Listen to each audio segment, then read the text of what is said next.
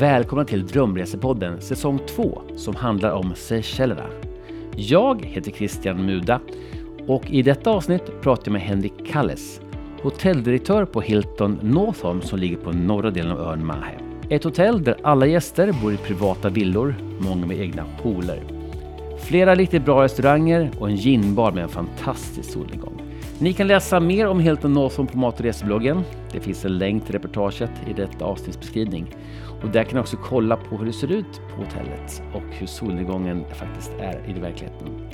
Och i intervjun på engelska som nu kommer får ni höra mer om hotellet från Henrik. So I'm here now in the Seychelles at um, one very special hotel. Uh, I'm meeting with the general manager Henrik Kalles. Hi, how are you? Good, very nice to be here, and uh, so nice we can have a chat. Indeed, yes. Because you are the general manager here at uh, Hilton Seychelles Northolme. So right. tell me, where are we located in the Seychelles? We are on the main island of Mahe, uh, which is uh, on the north coast, what we call the Glacis Road. And this hotel is quite unique, as you can tell. It's on the on the cliff. Uh, on the left side we have Beauvallon, and then on the right side we have Northolme Bay. And Beauvallon is? It's one of the biggest and most attractive beaches of the main island of Mahe. Mm. So uh, this resort, can you give an overview? How, what type of rooms are there, and how many, how many rooms, etc.? So we have 56 villas. Um, um, I will say around 16 have a private pool for those that en- enjoy uh, having a private uh, sw- swim on the uh, verge of the Indian Ocean. And who doesn't? Indeed, yes. Uh, I think it's something that we can all indulge when we come to this side of the world. And then the other ones are full of charm, I would say. There is not a single villa that we have that does not offer a view, scenic view on the Indian Ocean from, for example, the jacuzzi or even the, the shower. And how many people can stay in each villa? Uh, three, and then some of our villas can cater for four. Uh, Okay. we also have the presidential, uh, which has two uh, double bedrooms, so up to I would say five to six. So at the resort, there are several dining options. Can you tell me more about that? Yes, so um, Mahe, it's our signature restaurant. Um, of course, we serve breakfast there, but then we kind of revamp it. At, at night, it has a different vibe, starting with the sunset, and then you have a beautiful view on Silhouette Island. That restaurant has what we call uh, a modern touch on Creole cuisine. So you can f- still find international dishes, but with a Creole twist. And what is your favorite dish in this restaurant? Without a doubt, the cocoviche, which is a, a tuna ceviche with some coconut on it, and it's just delicious. You have to try it. Yeah, must do. Indeed, yeah. okay, so that's the Creole restaurant. And what else? So we have the oceanfront wave, which is mostly Mediterranean with a touch of Italian. Uh, it's very good. And then, if you ask me my favorite one, without a doubt, is the tagliata of beef, which is just a trench uh, uh, entrecôte. Delicious. Nice. We do have our ocean view bar, which for those who like comfort food, for those who just want to enjoy the sunset and have a classic, there you have uh, some of our best burgers in town. Uh, my favorite is the sliders, the tempura bond sliders. Mm. And, and speaking about bars, you also have a gin bar here. Indeed. So it's what we call a pop-up concept. Uh, it was in originally a sun deck, so people will just go between uh, a, a nice swim on the ocean or the pool. We'll go there to uh, sunbath. A couple of months ago, during the pandemic, we did some renovations, and rather than losing these um, uh, furniture that was still in good shape, uh, the team decided to just come up with a concept, which was a gin bar that initially only opened a few days per, per week and now it's open daily because there is so much demand. Uh, it's proven to be one of the favorites drink in the destination despite the fact that normally here we are known for the rum.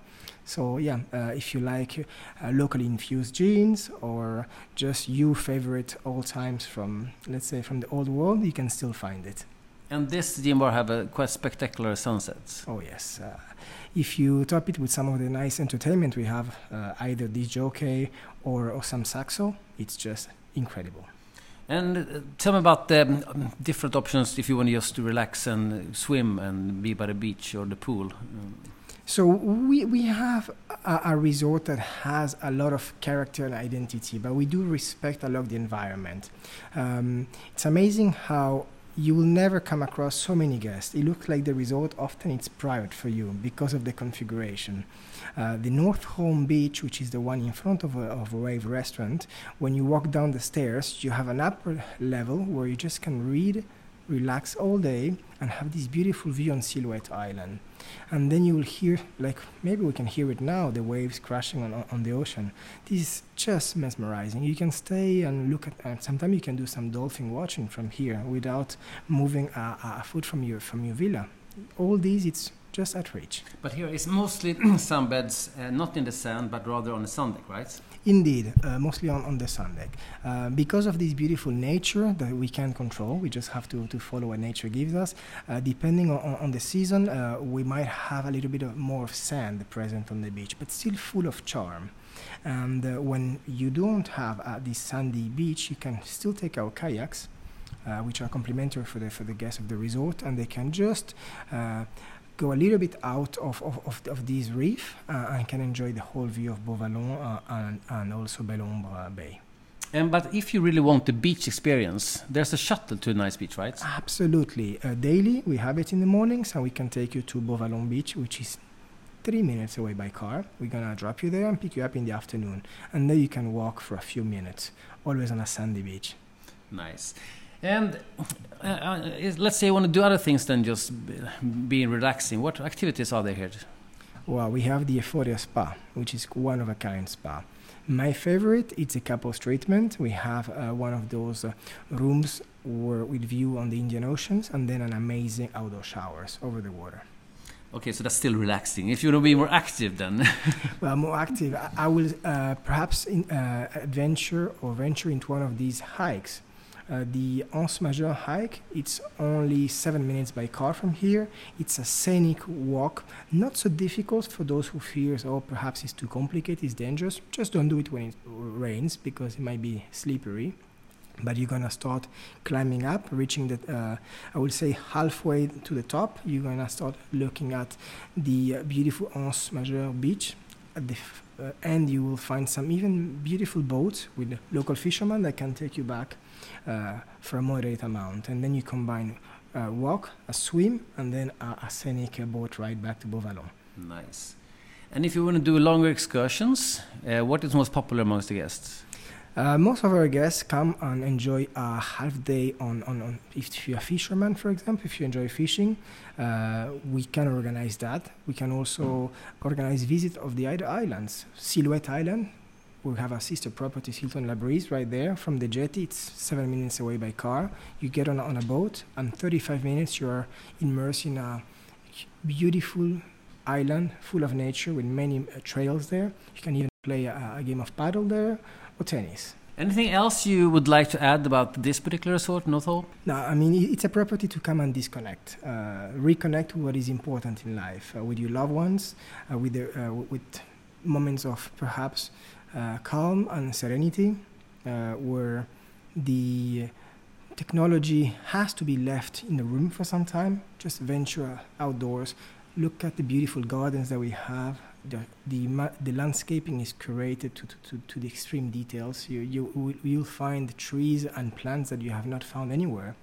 uh, or at least not often found on this part of the world. Our star it's uh, the cannonball tree. Mm-hmm. Uh, you will find five of them. Uh, the closer to the Arrivals Pavilion is the most impressive one.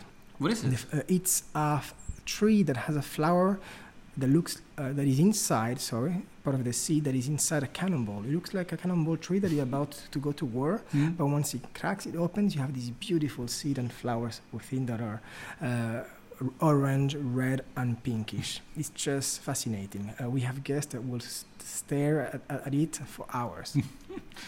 uh, we'll take a photo of it and put it on the blog. Um, Definitely. Uh, do it while you, you go to the other beach that we have at, at, at the far end of the resort called Rudy's Beach. There you have a little bit more of sand, and also you're going to find these beautiful boulders, which are the rocks that are uh, that made the Seychelles famous. Mm. So you can also take your famous, your famous Instagram picture if yeah. you must. um, and at this resort, uh, are any ages of family members welcome?